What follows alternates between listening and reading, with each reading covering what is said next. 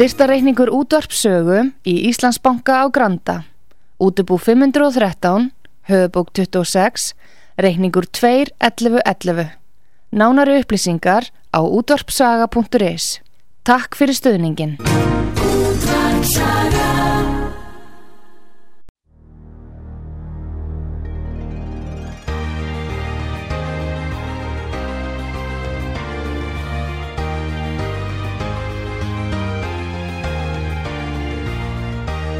Heimsmálinn í umsjón Pétur Gunnlaugssonar. Fréttir og fréttatengt efni af Erlendum Vettvangi.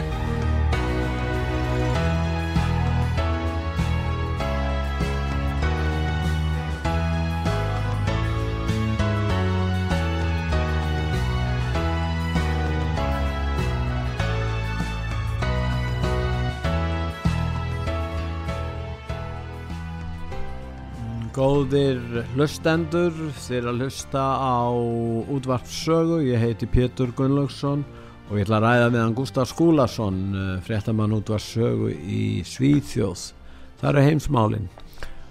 Sætla, Já, blessaður Pétur. Blessaður, nú, þú, við ætlum nú að, að kannski að tala um uh, lag sem heitir Hraðbröð til helvítis er það ekki Highway to Hell eða er það ekki á því? Jú, þetta er nú gammalt, gammalt svona, hvað segja hvað heitir það nú svo rocklag, svona hard rocklag sko. já, já. Og, og það er nú ekki víst að öllum hlustundum passi það endilega en það á vel við efni sem við munum ræða núna því að, því að það er nú helstu bóðskapur færustu sérfræðinga heims eins og að rítara saminu þjóðana Guterres að bara við sjöum all á hraðbröðinni til helvitis. Hann segir, segir sko til aðgreininga frá rockljónsveitinu þá segir hann loftslags helvitis Já, þú sagðir að að segja hann er nú engi sérfræðingur, hann er bara gammal stjórnmálamöður og marxisti frá hvað, þannig að frá miðarhafinu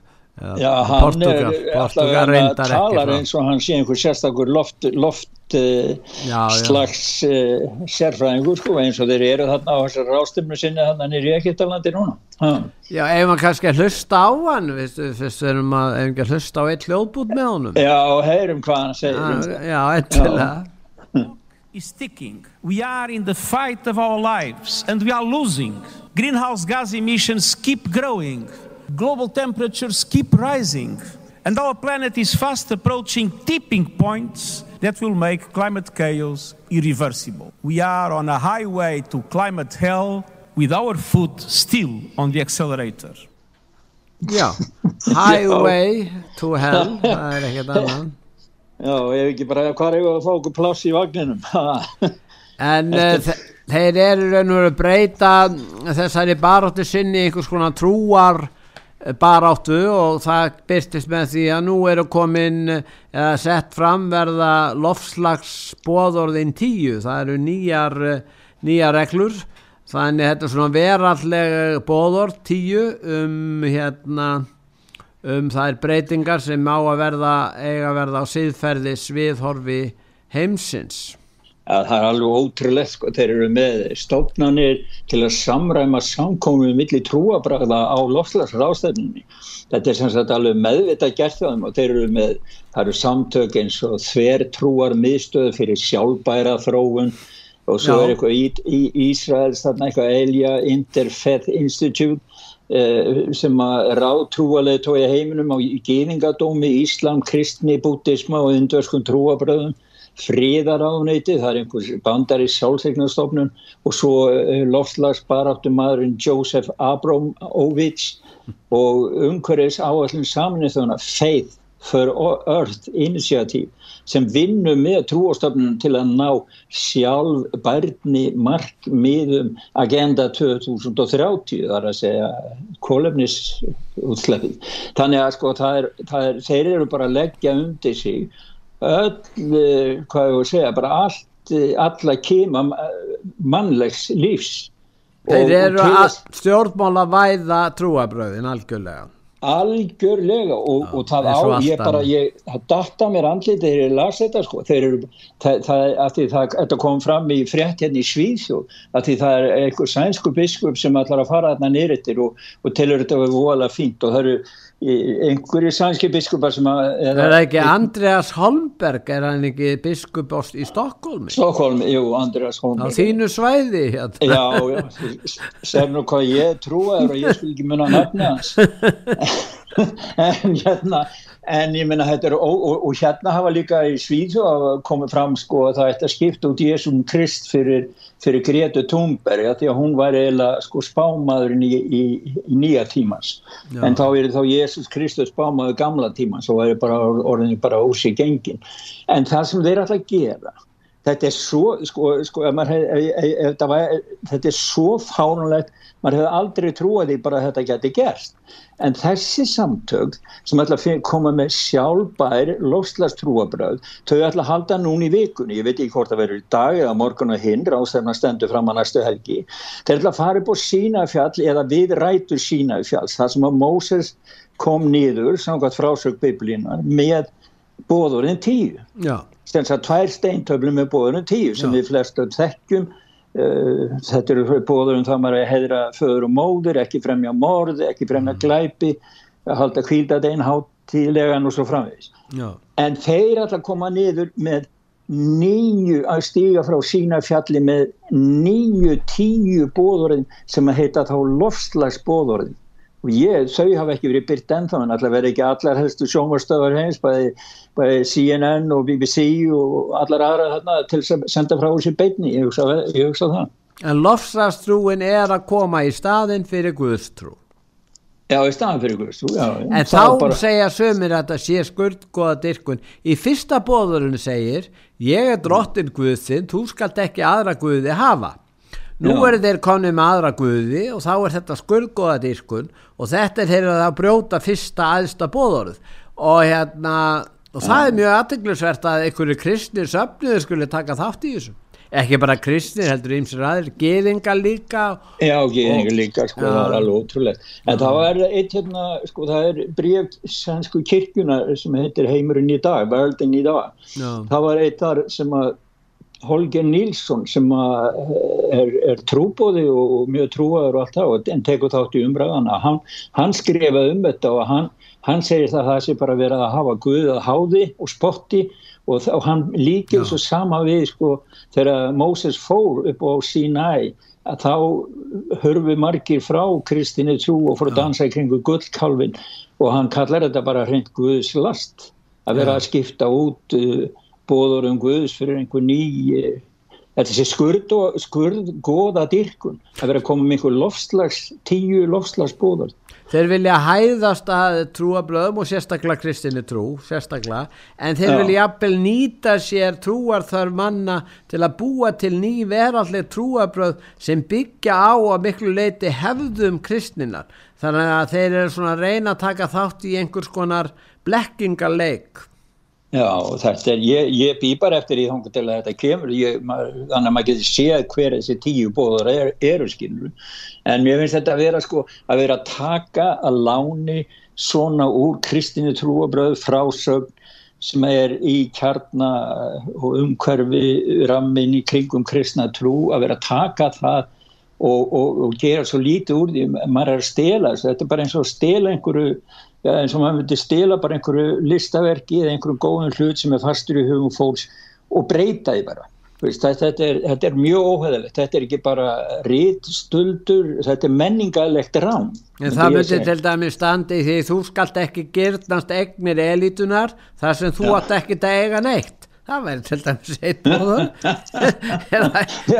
já, það sé ekki, verði ekki eitt hjá þeim. Og þú skalt ekki, ekki þú skalt ekki gyrnast bifreiðar eða engaflugvélar elitunar nei heldur, að, heldur að nota skóna og ganga bara. Mm. Já, og sko allir aðrir eiga að vera á reyðhjólum og, og hérna Og- og þú- almennis fara tækjum. Og þú skalt geta pöttur en ekki að gyrnast nautakjöt elitunar er, ég, hérna, það, er, sko, það er alveg kapl út af þessu sem ég skrifaði heila greinum þetta sko, ég bara Ég, það er byrtur matseðlin á heimasíðu sögu Já. sem þeir borða hana og það er sko, það er, það er sko, það er marinera grilla nautakjöt Já, eh, og það er, það er eh, angus biff medaljón Já. og það er lax kri- með, með, með só, góðri sósu og það er, það er sko, það er bara kjöt og fiskur og mjölkurafurður og svo góð vín náttúrulega sjálfsög Já, sem er, já, og, og, og maður getur tekið með sér á plastflöskum skilur, þetta er, sko það er ekkert samræmi það er líka heimasíðu sögu og það var svona annað, annar skellur sem að ég fekk sko þegar ég var að uh, hvað heitir það, FAO það er matvæla og landbúnaðarstofnun samnöð þjóna já, þeir hafa gefið út 200 eða 300 síðan að doðra með leiðbynningum til fólks í heiminum um það hvernig ná að matreig og ákvörum maður á að borða skortir í staðin fyrir venjulega mat. Já, og ég ætla, já það eru tíu pöttu, ég kalla þetta pöttupunktar saminu þjóðan og með þínu leiði. Pétur og, og, og myndi ég vilja lesa upp þessa tíu pöttupunktar saminu þjóðan já, einmitt. Já, og það er svona, skortir eru hollur, næringaríkur valkostur við almenna afurður eins og kjúklinga, svínakjöt, nautakjöt og jafnvel fisk. Mörg skortir eru ríka próteini og góður í fytu og mikið af kálki, járni og syngi. Skortir eru nú þegar hefbundin hluti á mörgum svæðisbundum og innlendu mataræði. Skortir sem matur gefa frá sér færri gróðarhúsa loftegundur en búfið. Skortýraeldi er ekki endilega starf sem á landi og þar því ekki landsvæði fyrir framleiðsluna. Losun ammoniaks er langtum minni hjá skordýrum en í hefbundum búfjönaði til dæmi svínum. Vegna þess að skordýrin hafa kallt blóð þá eru þau mjög dögulega að breyta fóður í prótein og þurfa margkvælt minna fæði til að framleiða sama magna próteini. Skordýr geta verið fóðruð á lífrænum úrgangsströymum. Við getum rætt á eftir hvað það er. Skordýreldi er lágtæknileg og ódýr fjárfesting sem býður upp á að jafnvel þeir fátakjast í samfélaginu eins og til dæmis konur og landlausir geta gerst skordýra bændur. Já. Skordýra eldi býður upp á afkomi möguleika bæði fyrir borgabú og dreifbíli. Þetta voru pöttupunktar ársins frá saminuðu. Já, já, já. En það er nú fleiri þarna sem, að- við þurfum taka tvo ólíka menn, annars verður við John Kerry sem var nú, uh, reyndi nú verða fossiti hér á sínu tíma, 2004, en og svo er hann núna, hann er í lofslagsmálanum og hann segir okkur bráð vantar fjármagn. Og, og svo höfum við mann eins og, eins og Jordan Peterson sem segir e, sálfræðingur og um hérna og frá Kanada maður sem er mjög mikið á YouTube og, og menn hafa fylst með ímsum kenningum og skoðunum hans og hann vill bara globalistana burt en við hlustum á tvö hljóð en byrjum, byrjum á John Kerry Byrjum á John Kerry. Hopefully, this will be implemented because we desperately need the money. There is not enough money in any country in the world to actually solve this problem. It takes trillions, and no government that I know of is ready to put trillions into this on an annual basis. That's what the scientists and the UN finance reports say we must do. Two and a half to four and a half trillion every year for the next 30 years. Leave us alone, you centralizers of power, you worshippers of Gaia, you sacrificers of the wealth and property of others, you would be planetary saviors, you Machiavellian pretenders and virtue signalers, objecting to power, all the while you gathered around you madly. Leave us alone to prosper or not, as a result of our own choices, as a result of our own actions in the exercise of our own requisite and irreducible responsibility. Leave us alone or reap the whirlwind and watch the terrible destruction of what you purport to save in consequence. Nú uh, þarna er John Kerry, hann er að tala um það að það bráðvanti fjármunu og þeir peningar er ekki til og hann er ekki Já. að tala um einhverja biljónir, hann er að tala um tvær og halva til þrjár triljónir, triljónir. Trilljón, Það er að segja ef við reknum með því að heimsframleyslan, ég veit ekki um gæti verið 90 triljónir eitthvað svo leis, ég veist um að ná 100, við erum að tala um að allur vöxturinn í heiminum fari í þetta og meira til. Ég var að, sko það er trilljón á ennsku, það Já. er biljón á, á, á okkar, sko, en, en, ég var að reyna að reikna þetta út yfir íslenskar. Hann segir, að, sko, hann segir á ennsku sko, 2,5 til 4,5 triljón dollara árlega næstu Já, heimsframleysla bandaríkja landsframleysla bandaríkjana hún er kannski 20 og 2, 3, 4 triljónir kynverjar sko eitthvað inn sko ég fæ þetta upp í skiluru 366 biljónir íslenskra króna til 660 biljónir 660 Já, en hugsaði- á ári. hann er að tala um að leggja hakkerfi heimsins bara í rúst. Já, þetta eru 11 til 20 triljónur íslenskar króna á 30 árum. Sko ég menna, já það er eins og þú segir, hann er að tala um að leggja, hann ætla bara að þurka, bara ríksu upp alla peninga sem finnast. og allur að viðaukin ef að hakkerfin stækka til þess að reyna að taka móti fólksfjölgun og, og reyna að bæta eitthvað stöðuna, það fer allt í þetta Allt saman og hver á síðan að, að sjá um, þetta fyrir bara í vasan hjá honum og þessum önnu sem er í kringum þetta svo geti Já. tankað meira og enga heldur hann sé aðeins í sjálfbóðleisvinnu hvað heldur þú? Nei, sko ekki og Albert Gore hann líka með alla sína gömlu þreyttu lumur sem aldrei hafa ræst hann segir að sé engir peningar til.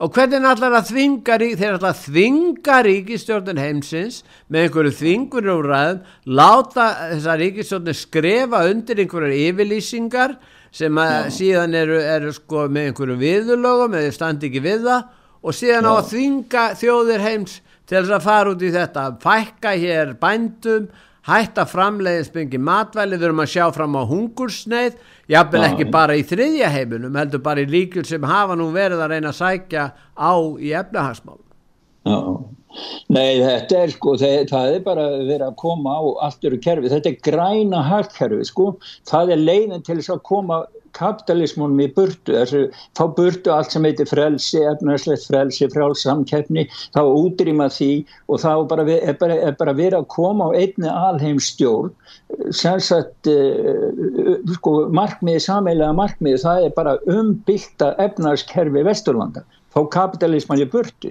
en þá spyr maður líka Ha. hérna Gustaf, hvað á að Ha. gera við alla þessa triljónir sem er að renna til lofslagsmála hvað á að gera við á að fara að framleiða vindmillur fyrir þetta Já, byggilega. Það verður stór hlut á þessu sko. Vindmjölur og sól. og hver allir alli, alli eitthvað að þessu lofslagsliði hafi frá eh, það reynda fjárfesta í fyrirtækjum í Kína sem er að framleiða vindmillur, hvað heldur þú?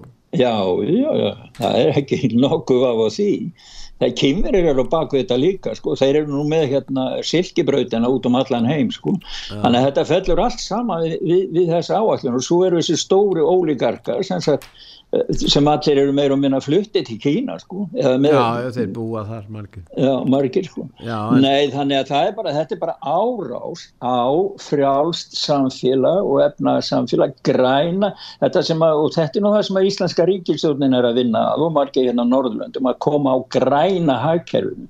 Þá ekki lengur verið hægt að taka láni að reyka fyrirtæki að koma með vottorð um það að maður mað trúa þessi, þessi trúabröð og, og vinni samkvæmt þeim. Þa, það, það verður allt tekið af okkur. Það, það verður ekkert frelsi eftir Nei ekki neitt sko Já, Ah, þú lofa- fyrirgefur. þetta, er, þetta, þetta er náttúrulega leiðin til þess þetta, þetta Já. er leiðin til þess að koma á alþjóðlegri hérna, miðstýringu í heiminum og koma á einu heimsríki þar sem að lítil elita stjórnar þessu öllu og skipuleggur svona eins og fimm ára áallanir uh, Sovjetríkjan á sínu tíma en þá mun elitan að reka sín kapitalistisku fyrirtæki eins og kynverski kommunista gera.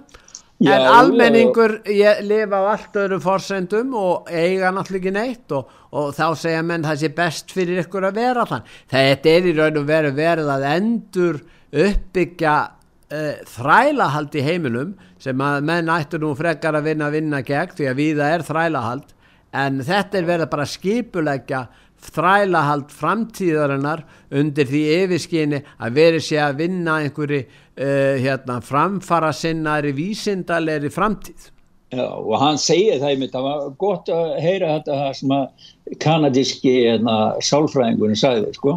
Hann, hann, hann er mjög vinsall og, og eh, hann hefur haldið fullt af, svona, eins og þú sagðir á YouTube og annar stað og það er um, grein um hann en það sem hann er að segja, það sem hann er að, hann er að benda á það, til dæmis svona stór fyrirtæki eins og Deloitte að Já. þeir sem eru svona endurskunda fyrirtæki og annað, þeir hafa komið út með ákall þar sem að þeir eru að tala um að það verði að breyta öllu og allir verði að vera grænir og breyta efnæðiskerfum bara allra landa í heiminum og síðan, síðan ræðist hann gegn þessu og hann er svolítið skelikur í þessu sko, hann er, hann er minnið svolítið á hérna eh, erkebiskupinn frá, frá Vatikaninu sem Já. er sjálfstæður og var að vara allan heimi við núni tvö ár. En Jordan Peterson Já. eru þetta að afhjúpa hræsnina sem ríkir hjá globalistum. Þannig að þeir eru raun og veru að lýsa því hvernig sko hann er, þeir eru að taka frelsi frá öðrum en að auka sín völd í leiðinni og, og, hérna, og hann vill þá burt. Og, og við erum náttúrulega að sjá þetta. Það, það, það, þetta hlýtur að leiða til þess að almenningur verður að vakna til vitundar um það hvert er verið að stefna með framtíðina og fyrir afkomundu þeirra og fyrir framtíð heimsins. Menn menn get ekki bara setja hjá og horst upp á þetta. Nei og það er það sem það þarf að gera sko, það þarf að, að, að fá stjórnmála mennina til þess að fara að ræða þessi mál sko. Því að þeir að spara sitja eða fara sofandi að fegða rósið. Þeir er alltaf greinilega allir, alltaf bara allir inn á, í vagnin í hraðbrautina til lofslags helviti sinnsku. Mér, mér skilst bara á, á, á framkvæmdastóra saminu þjóna að, að við séum bara allavega þeir, þeir eru að fara með þetta allt til helvitis, það er alveg rétt og þeir eru komnið með þetta, þeir standa bara fyrir utan logandi hurð á, helviti með, með, með sín markmið þeir eru að gera Ja, það er svona fyrst með hann segja svo rétt þessi profesor sko, hann segir láta okkur í friði því miðstýringar valdhafar, því dýrkendu gæja, því sem fórni auðu og eignum annara, því sem þykist vera bjargvætti plánetunar, því sem þykist að hafa samvisku vera bóðbera góðvildar og, og mótmæli valdinu samtími sem því kakkosið að rafa því í kringum ykkur. Láti bara okkur í fríði svo við getum blómstræðið ekki vegna eigin valkost að gjöra því láti okkur í fríði eða uppskýrið fellibilinn og sjá í hræðilegu eidilíku þess sem því þykist alltaf bjarga í kjölfalið Nei, ég, já, þessum er góður. Já, en, en, en það er líka þannig að, að kanslari Þýskalands fór til Kína og og talaði við þá þar og það er augljóst að það er bak við tjöldi verið að tala um friðaviðræð þó að ofinbella sé nú ekki rætt um það. Ungverjaland hefur að vísu lagt áherslu á það að tími komið til friðar um að friðarviðræður hefjist og, og að refsi aðgerðir ESB hafi ekki skilað árangrin og Ungverjaland hefur verið sett til hliða sem jæðaríki en eftir að rússarnir hörfa frá Kersson þá er vel spurningu um það hvort að rússarni séu líklegri til að reyna að koma að friðaborðinu. Hvað heldur þú um það?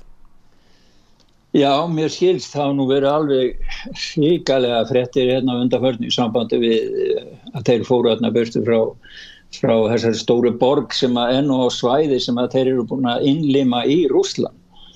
Þannig að, að þetta er umtalsverður framgangur og sigur fyrir ukrainska herin og eh, maður veit ekki hvað er sagt, Pútins megin en það sem að Ungverjaland hefur sagt, Ungverjaland verist vera eina fríðaröttin í Evrópu sem að vill tala fyrir fríði, þeir voru meðal annars að mótmæla því því að uh, Ursula von der Leyen fórseti framkvæmda stjórnarinnar er að fara fram á lán sem að aðeldaríki Európa-sambandsins segja að taka skuldbundin þá í sammeilum fjárlöfum fyrir Európa-sambandi þó það eigi ekki að vera svolítið til þess að borga Selenski, segi ég bara, og hálfa miljard eurur á mánuði til þess að tryggja svona stöðuleika í rekstri úkrænska ríkisins. Við höfum minnst á þetta áður og það er úkrænumenn þeir, nei hérna, Ungverilands eru mjög, mjög segja bara nei. Gera, við gerum þetta ekki, við tökum, erum ekki að taka lán til þess að borga, við viljum fá fríð. En þeir tala fyrir döfum meirum sko. en hvað er, ó, en, en sko öll þessi mál eins og orkumálin og allt þetta sko það, það hlýtur eitthvað að gefa þessu sko. Já stað. en hvað er gert sko við alla þessa peninga sem eru sendið þeir senda ánga vopn. En hvað með alla þessa fjármið nú er að koma í ljós að einn helsti stöðnismadur hérna Demokrataflokksins hann heitir Sam Bankman. Já, og Sam Bankman hann, hann er að fara á hausinn með fyrirtæki, svona, hann er með svona bitcoin fyrirtæki. Já, hann er komin á hausinn sko. komin á hausinn en áður en hann fyrir á hausinn þá tekst honum að ná hérna 10 miljó, biljónum dollara 10 biljónum dollara út úr fyrirtækinu fyrir gjaldtrótt sem er nú ólöglegt sennilega. Já, já. ég veit ekki hvernig, hvort að hann verið sóttur lögsóttur fyrir það. En sko hvort hann sé búin að hafi tryggt sig eins og Goldman Sachs gerði hjá demokratum á sínu tíma eftir hrunið? Það voru einmitt að ræða þetta hjá, hjá hérna, Tökki Karlsson var að ræða við einmitt um þessi mál og sko í fjármálakreppinu 2008 Já. þá voru margir voru að hýsa því að Goldman Sachs slapp á meðan Lehman Brothers hald, fengu að halda allir sínu. Já, og skýringin á því var svo að þeir voru stórir sagt fjárgjafa til demokrataflokksins og demokrataflokkurinn sko, það bara lögin gild ekki fyrir þá sem að styðja þá, þá, þá má maður brjóta þau alveg sko, en það gildi bara fyrir hín en þeir voru að ræða einmitt núna á, á, með Tökvi Karlsson að, að kannski gæti demokrataflokkurinn samt sem að farað eftir honum vegna þess að hann var búin að lofa þeim einum miljardi dollara í kostningasjóðin Já, en var bara búin að borga 40 miljón Já, þannig að, aha, já, sem að gerði hann sko að, að, að næst stærsta fjárgjafa sko eftir Soros Þetta, þetta FTX fyrirtækjans, það Já. stutti í raun og veru, hann borgaði gegnum það til demokrataflokksins. En Já, hann, hann, hann er viðriðin sko, hann hefur verið í stórkostlum peningaþvætti að því er veriðist, mér veriðist í, í sambandi Úkrænu því hann hefur tekið sko, verið þar með svona stafræna miðla allavega sína eigin og, og kannski Bitcoin líka mm. svo hefur já, hann ekki, já, hann hefur verið, já, já, einmitt. Já, já, að því hann er með svona stafrænan, hvað ég að segja, svona markað, sko, fjármála markað fyrir stafrænan myndir og hann er sjálfur með eina mynd, ég kann þetta nú ekki nægilega vel, sko, TFX eða hvað þetta er, FTX heitir, heitir FTX, það. já, FTX. Já, FTX. Og, en það sem er að koma í ljós, sko, hann, að hann hafi þvegi peninga í Úkrænu og síðan hefur hann borgað sko, þessa, alla þessa peninga í kostningasjóð demokrata og það er að sigla upp núna eitthvað algjört nexlismál er að því að bandaríkjamenn hafa borgað svo margar, margar miljardi dollara í beinhörðum peningum til Úkrænu til að stiðja þá. Og síðan hefur þá partur af þessum peningum eða öðru peningum er erfitt að vita en allavega var hann viðriðin, viðriðin eitthvað í sambandi við þessa peningafæslur eða eitthvað hann í Úgrænu þannig að hann er stór aðili í Úgrænu í fjármálunum þar. Og síðan koma peninga frá honum tilbaka til bandaríkjana í, í, í formi stafrænsmiðl þannig að þetta er það er, þetta er, þetta er silt núna upp á, upp á heiminin sem er sko mjög heitt mjög En mál þessi náungi er kottnungur, hann er innan við þrítugt, um þrítugt. Já, fædd, ég sá hann einhvers að hann fættu 90 og hvað, 5 held ég, að ég einhvers það er, hann er, er kottnungur, sko.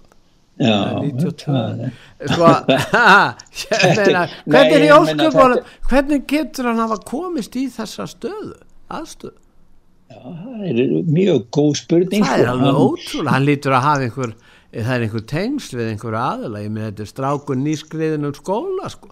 Já, og það mynda honum hérna, sko, það sem hann er á fundi með bæði Bill Clinton og Tony Blair ég er þetta ekki bara öll krata íleitan í heiminum með honum í þessu sko. Mm. já, Þetta er eitthvað- já ha, þetta er eitthvað óða förðulegt að mér sko. já, þetta er það sko en ég hérna nú, við skulum eh, fara í auðlýsingar núna, Gustaf og förum í stuttar auðlýsingar og eftir auðlýsingar hlýja þá höldum við umræðin áfram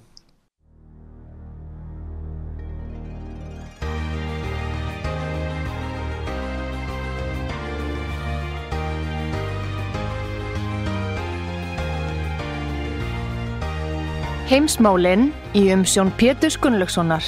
Fréttir og fréttatengt efni af Erlendum Vettvangi. Góðir hlustendur, þeir að hlusta á útvart sögu og ég er að ræða við hann Gustaf Skúlason í Svíþjóð. Herru Gustaf, nú förum við til bandaríkjana og þessar uh, þessi niðurstaðan og, og kostlingaúslitin það er hann ekki búið að telja endalega en, en það lítur þannig út fyrir það að republikanar þó þeir hafi fengið talsvert meira fylg í kostningunum talsvert fleiri atkvæði munaði bara mjög miklu 4% ja. Þá eru þeir ekki að ná meira hlutanum í öldungadeildinu og óvís hvort þeir náu jafnvel meira hlutanum í fulltrúadeildinni. Það er svona ekki alveg ljóst. Nú... Nei, ja, þannig að 50, demokrater eru búin að tryggja sér 50 sæti sko og eru já. þar með komni með meira hluta því að Kamila Harris var að fóra sitt svo gætur líka bætt við sig 7. desember ef, ef þeirra maður sigrar í, í Georgíu þá eru þau komni með ennþá meiri meiri hluta en þeir voru með áður sko. en það sem gerðist í Arizona var nú þannig að, að, að það voru fólk var reynda að kjósa en kostningavélarnar byluðu sérstaklega í kjördæmum þar sem republikanar hafa mikið fylgi hvernig stendur á þessu að þetta getur Já, ég, ég var nú aðeins að reyna að kynna mér þetta sko, þetta, þetta er sko svo lígilegt að er, þetta er bara alveg ótrúlegt. Þeir, fyrst var það þannig að þeir tilkynntu það að vélarna myndu skila svona um 20% af atkvæðaselunum sem sagt, senda það tilbaka til kjósendans, maður gæti ekki komið um inn og síðan komið ljósa að það voru 30% 30% af öllum atkvæðaselunum sem var að vera reynda stingi vélarnar kom og tilbaka og þeir sem að fengu tóman segil tilbaka eru þeir frá að hverfa þá? Já þá var þeim sætt, það var Anna Holm sem var nummið þrjú á vélinni stingiði seglunum niður þar vegna þess að það verður sett í sérstakkan eh, kassa og sem verður fyrir inn á miðstöðun og verður talið um sérstaklega um sem hann tóku þátt í þessu? Nei, sumur voru svo yllir, þeir tóku þetta og þeir treyst ekki vélunum og ætlaði að fara eitthvað annað og maður veit ekki, það er vegna þess að mynduðist langa byðraðir og það kom í ljósa, það voru mjög margir sem hættu við og fóru heim og voru að reyna að komast inn í byðraðir hinga og þanga til, til að stuðunum var loka, þannig að þetta verið, það var verið mjög mikið öngþauti. En þarna og, er þetta úslita fylgi vegna þess að núna vinna demokrater eh, öldungadeildaþingmannin í, í þessi Kelly þarna í, í Arizona og ja. þar með fenguðir öldungadeildaþingmann númið 50 og þar ja. með heldur meira hluta sínum því ef að hann hefði tapað nú þá ja. eru republikanin ennþá í, í hérna möguleika já, já. þannig að þá, þá eru þeir konni með já, 50 Já. Já og þá hefði sko síðast að það sem þeir kjósa aftur og verður klart núna 7. desember þá hefði það verið útslags gefandum að hver hefði unni sko. En það sem að sko ég hefur verið að lesa meir um þetta all right að þeir átt að setja þá kjósendur átt að setja þá þetta neyri númið þrjú og það gerði það held í all flestir en síðan kemur í ljós að þegar þetta var sendt þá var þessum atkvæðum sem var sagt að þetta telja sérstaklega að blanda sama við atkvæðin sem vélarna voru í vélarna voru búin að telja sko það, þetta, þetta er svo ótrúlegt að maður, maður á erfitt með að trúa þessu. Síðan var, kemur í ljós að það var útskýra af hverju sendu vélarnar atkvæðaseluna tilbaka þá er, þá er það þannig að þeir breyttu stærðina á atkvæðaselunum hún var 19 tómur í síðustu kostningu 2020 en þeir stakku atkvæðaselun upp í 20 tómur. Og svo sögðu þeir að alla vélarnar hefur verið stilta þannig en það kemur í ljós að margar vélar voru ennþá með stillinguna 19 tómur og það útskýri því að þá gætu þeir ekki sko neituðu vélina að taka við blæðinu af því að það var, það var óstórt samkvæmt hvernig vélum var still En er það rétt að þessar hérna vélar voru aðala í sko mörg sko þetta, þetta munar svo litlu þetta mun okkur þúsund atkvæði sem er munurinn á á hérna fylginu. að, að ef, ef þetta er rétt að, að kostningavirðan sem að byluðu hafi flestar verið í, í kjördæmum þar sem republikanar voru öflugir Já, það er það sem maður hefur frétt og vissir miðlar halda fram Já. en það er náttúrulega erfitt eh, sko að, að, að sannreina hvað er, hvað er satt og rétt nema að þetta verði bara aðtúa sérstaklega. Já, en það er spurningin Trump er að grefjast þess að verði bara eldur kosið í Arizona Já, hann krefst þess En sjáðu hann... til á Íslandi, hér í norðvestu kjörinu það voru tíu atkvæði og það voru margir sem kröðust endur kostningar þó að það hefði ekki haft negin áhrif þessi tíu atkvæði í raun og veru á viðstöðuna en þannig erum við að tala um 20-30 30% biluð í kostning því að þeir eru vanin að segja þeir eru eitthvað kvartar yfir kostninga eh, í bandaríkjunum og það séu bara öfgar og vittleisa ég minna, menn hljóta að geta mótmælt í Já, og svo er eitt aðrið viðbútt líka því að það hefur komið ljós núna að það hafi fundist sko kassar með atkvæðum í 70% fleiri kassar núna 2022 í Maricopa County í Arizona heldur en það var árið 2020 og það er náttúrulega sko, það, það eru svo margi, mörg atrið í þessu sem eru óljós að fólk er bara, margir eru held ég bara hreinlega búin að missa trúna á þessu kerfi sko og það verður ábyggilega einhver, verða sennilega eftirmæli, eða hljóta verða eftirmæli á þessu.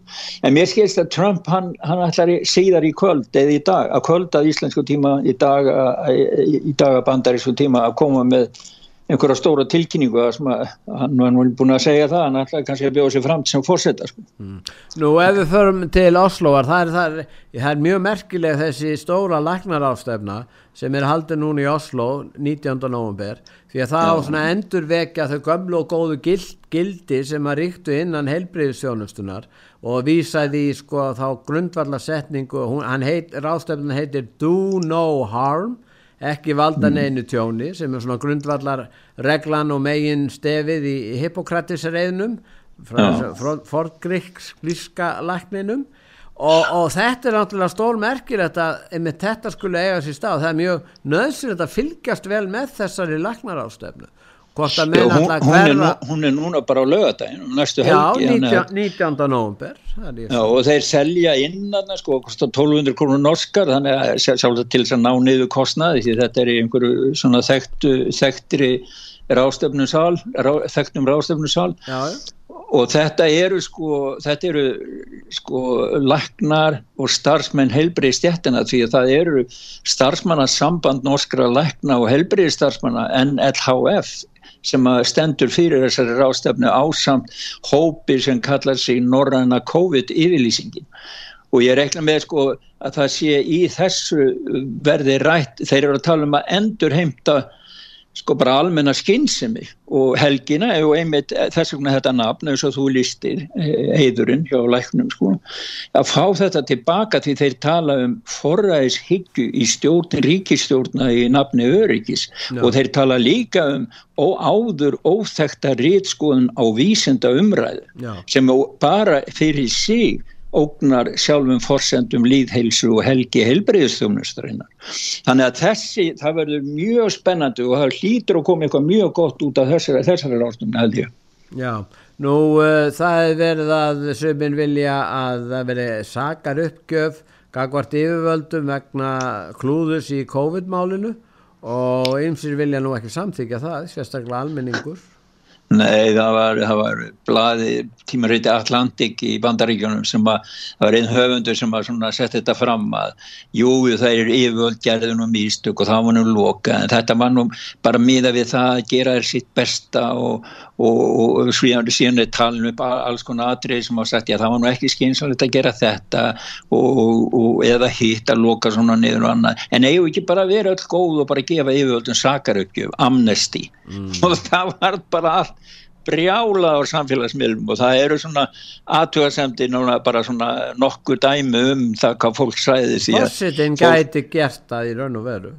Já, og það er svona fólk, sko, það er fólk, fólk já, flestir er einhverja ættingar sem hafa dáið á þess að vera já. geta kvart, skilur törta hverði ekki gegnum iPad eða eitthvað, sko, veist, þetta er þannig að fólk er ekki, ekki reyðubúið þeir, fólk, sko, samkvæmt þessari það sem kemur út af þessu, það er það að fólk vil að á, á, á yfirvöld og þeir sem hafa komið fram og lofa, lofa alls konar hlutum og, og, en komið með þetta forræði að taka frelsi á fólki að fólk verið svo til ábyrga það, það, er, það er líka hörð mótmæli í Kanada og það er eins einn aðgerðarsinni sem að, hérna, sem að heitir uh, Tamara Litch Það er maður að lýsa ef að hlusta á hana?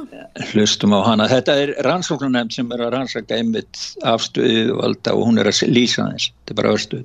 Because I was seeing families torn apart. The suicides in my hometown were so numerous that they stopped reporting them. Um, elderly people were dying by themselves in long-term care facilities and saying goodbye over iPads. my grandma is 94 years old and she was locked in her little apartment by herself for two years. And now that she can go out and do things, she's not healthy enough. She lost two years of her life. My father is, I'm so sorry. Take your time. My father is a very social man. He is the Coffee Row, Saskatchewan father. And I remember him telling me one day that he went down to the local restaurant that he went to every single day. And these are small towns where everybody knows everybody. And he was asked to leave. And I didn't want my children and my grandchildren to live in a world like that. Já, hún er að gaggrina sko hérna þessar lo, þessa lokanir sem áttur sér stað mikilvæg, og haldi fram að mikilvæg hörku í Kanada sínum tíma alveg svakalega sko og hún, sko, hún var heimsfræg eða heimsfræg, hún var fræg að því að hún gekk með í sko frelsislestina og fór að hjálpa vörubilstjórun og en hún lendi því að sko hún var, það var tekið af henni og hún sagði það að hún hefði mist vinnuna og mist allt vegna þess að hún var að hjálpa vörubilstjórunum og, og svo bara er hún að lýsa hún er bara eina mörgun sem koma fyrir nefndina og það er lengur inn á langt myndband með þessum yfirherslum. Þetta er nefnd sem er að rannsaka viðbröð yfirvalda og fara í gegnum þau kakvart íbúum Kanada í sambandi við COVID sko. Og það er mjög átrakanlegt. Hún sagði það ég misti vinnuna, ég misti málfrelsi, ég misti frelsi til að hafa samskipti við víni mína mm. og uh, þetta var, nei, það er það er best að þetta fólk fá að segja sjálf já, já, en, en síðan er það náttúrulega eins og YouTube þeir eh, eru að styðja í raun og veru þessi fyrirmæli sem að allþjóða helbriðsmálastofnunin er að leggja til og svona vannvirða þá lækna sem er ekki sammála en allþjóðlu stefnu Já, þeir eru sko YouTube World Health Organization. Þeir, þeir ætla að koma með svona nokkur svona læknisvottun sem er á YouTube. Og þá má engin læknir nota nema sem er skráður að hann hafi samþygt að fylgja reglum WHO, altså WHO, altså helbriðismála stofnarinn þannig að þetta verður þeirra aðferð til þess að bóla öllum sem ekki er hægt að múta læknum, bóla þeim í burtu og þeir verða þá ekki sagt, löglegir. Þú veist innan gæsrappa löglegir af því að þeir eru ekki með þetta merki sem að allþjóð heilbreyðstofnun hefur samþýtt að gefa út. Þetta er náttúrulega mjög fúlt útspil, mjög fúlt. Og bara til þess að reyna sundra læknastjættinni vissir eiga að fá að vera í hittanum, aðri eiga að vera út í kvöldanum en nú á líka að fara að spröyta börnin í meira mæli og þá hækkuðu hérna, hækkaði verði hjá Pfizer. Hækkaði já, mörgundur prosent 400 prosent sko. Ég menna þetta sýnir alveg, þetta bara staðfestir allt sem við höfum verið að ræða Pétur og, og svo margir aðrir á útvarpur sögu um hvað, um hvað þetta snýst alls saman. Þetta er bara spurning um að peningandi komist í vasa lífareysana, þetta er ekkert spurning um uh, þá sem er spröytar ekki, það, er bara það eru bara afurðir. Nei, Fólk líka er að koma fram alls konar farsleg vandamál tengt þessum efnum og sem að þeir sem að standa fyrir þessu vilja ekkert viðkenna eða reyna að ræ, vilja ekkert ræða um það Já, vilja ekki ræða um það, það er rít sko, sko það, og svo er nú verið að gaggrína sko eins og eins og þau þarna á, á Európa-sambarsþinginu hún er hann að Kristína Andersson Európa-sambassinn konar frá Þískalandi já, hlustum aðeins á hann hún er að gaggrýna COVID People need to know who they can hold responsible and accountable for whatever may have gone on behind the scenes. Things are changing now. Their house of cards is tumbling down, and it is doing so rightfully. I am sick and tired of being called a COVIDiot, and I much rather be a COVIDiot than being a gov idiot. Because that's what all these people blindly trust. Já, það var klappað hann að gripi fram í fyrir henn og klappaði þegar hún var að segja það hún vildi freka láta kalla sig kóv-idióta idiót heldur en góv-idiót og góv þá stendur fyrir government eða stjórn, stjórnanda Já, stjórnlindi sitjótt eitthvað svo Já, já svo Nei, en, en, en málið er og það er mjög gott, þau eru með nefnd, þarna rannsóknar nefnd í þinginu þar sem þau eru að kalla fólk til og ræða málin og það er náttúrulega í bakgrununum er þessi svika milla hjá fóndi legin og manninum hennar í sambandi við þessi innkaup þessi, og saksóknari sko, vill fá upplýsingar frá uh, hérna frá henni úrsölu Já og þeir, hún allar sko hvar hva þetta Vildi hún ekki fá síman hennar, hvernig var það? Hvað hva, hva segir þú? Vildi hún ekki fá síma úrsölu sem jú, jú, hún var að ræða við, sko, við eigimann sinn sem er eigandi í, í biotek sem var í samstarfi Pfizer Já, já, en þeir, en, en, en, þeir neitu, sko hún hefur neita að afhenda og það hefur verið svona langar umræðun um það hvaða þýðir þetta sem er á símanum en hvort að megi taka sem gögn, þú veist. Hún er hafinn yfir lög og rétt altså.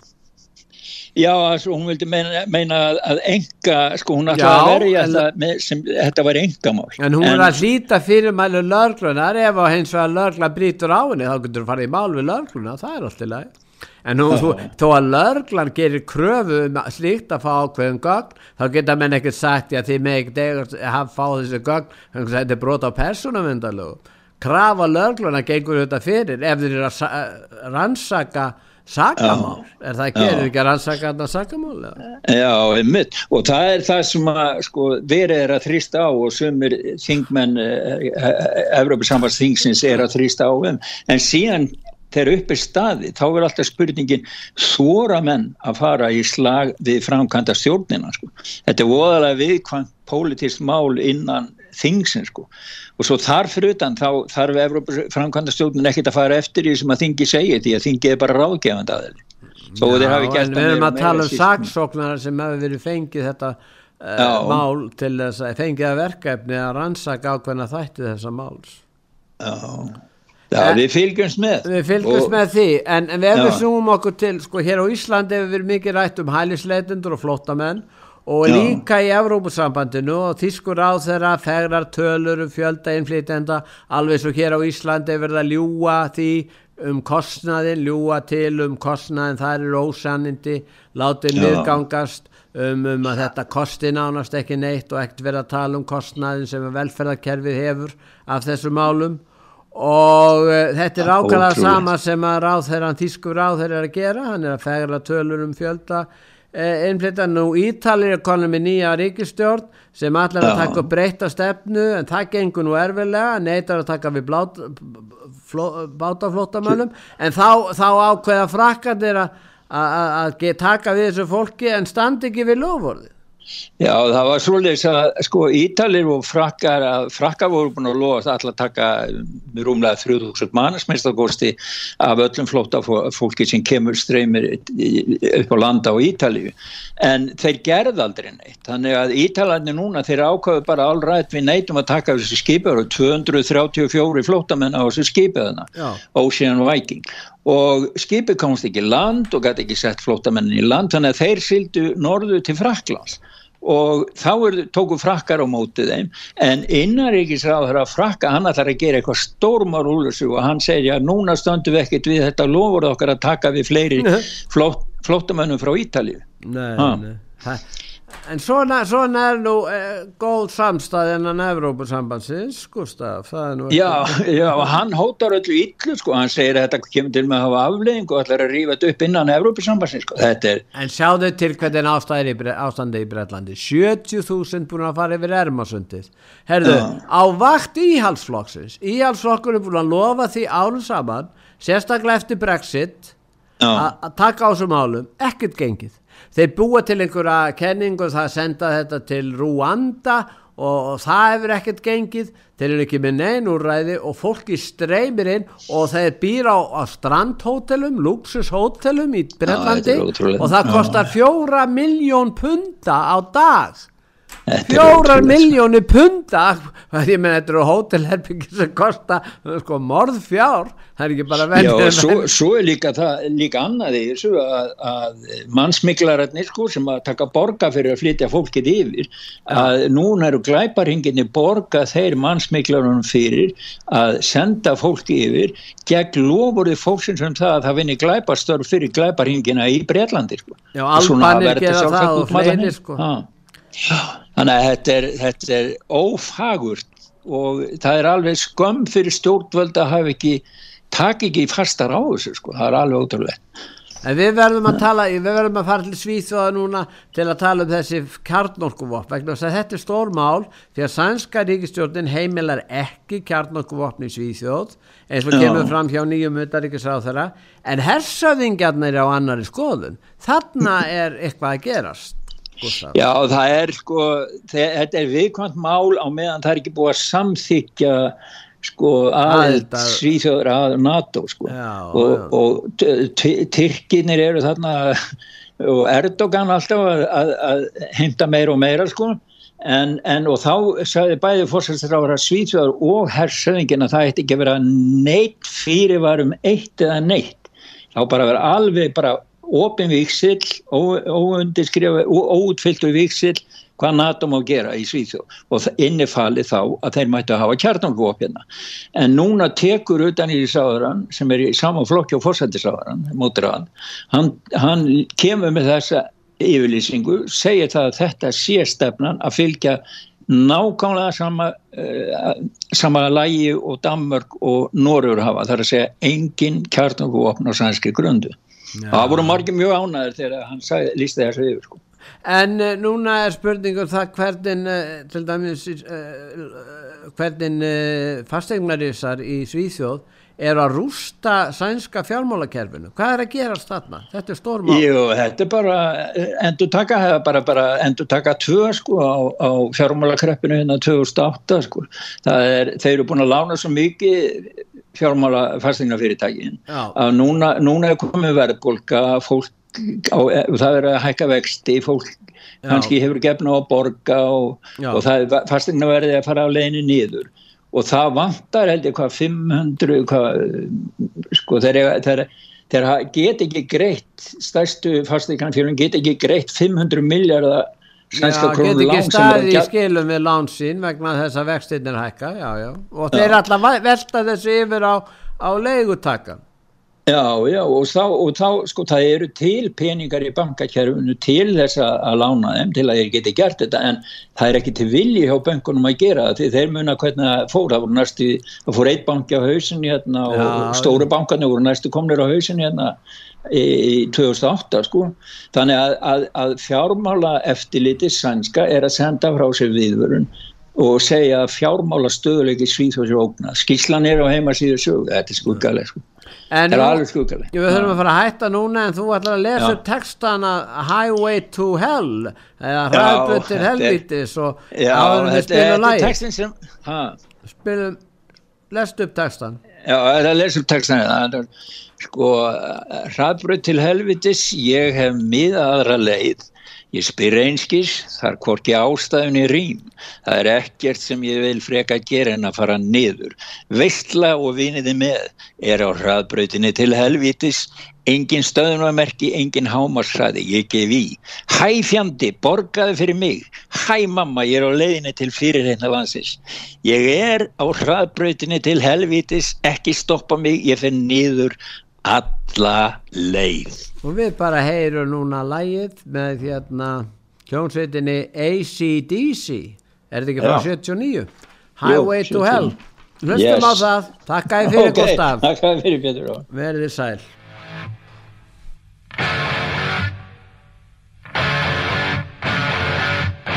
We are on a highway to climate hell, to climate hell, climate hell. We are on a highway to climate hell.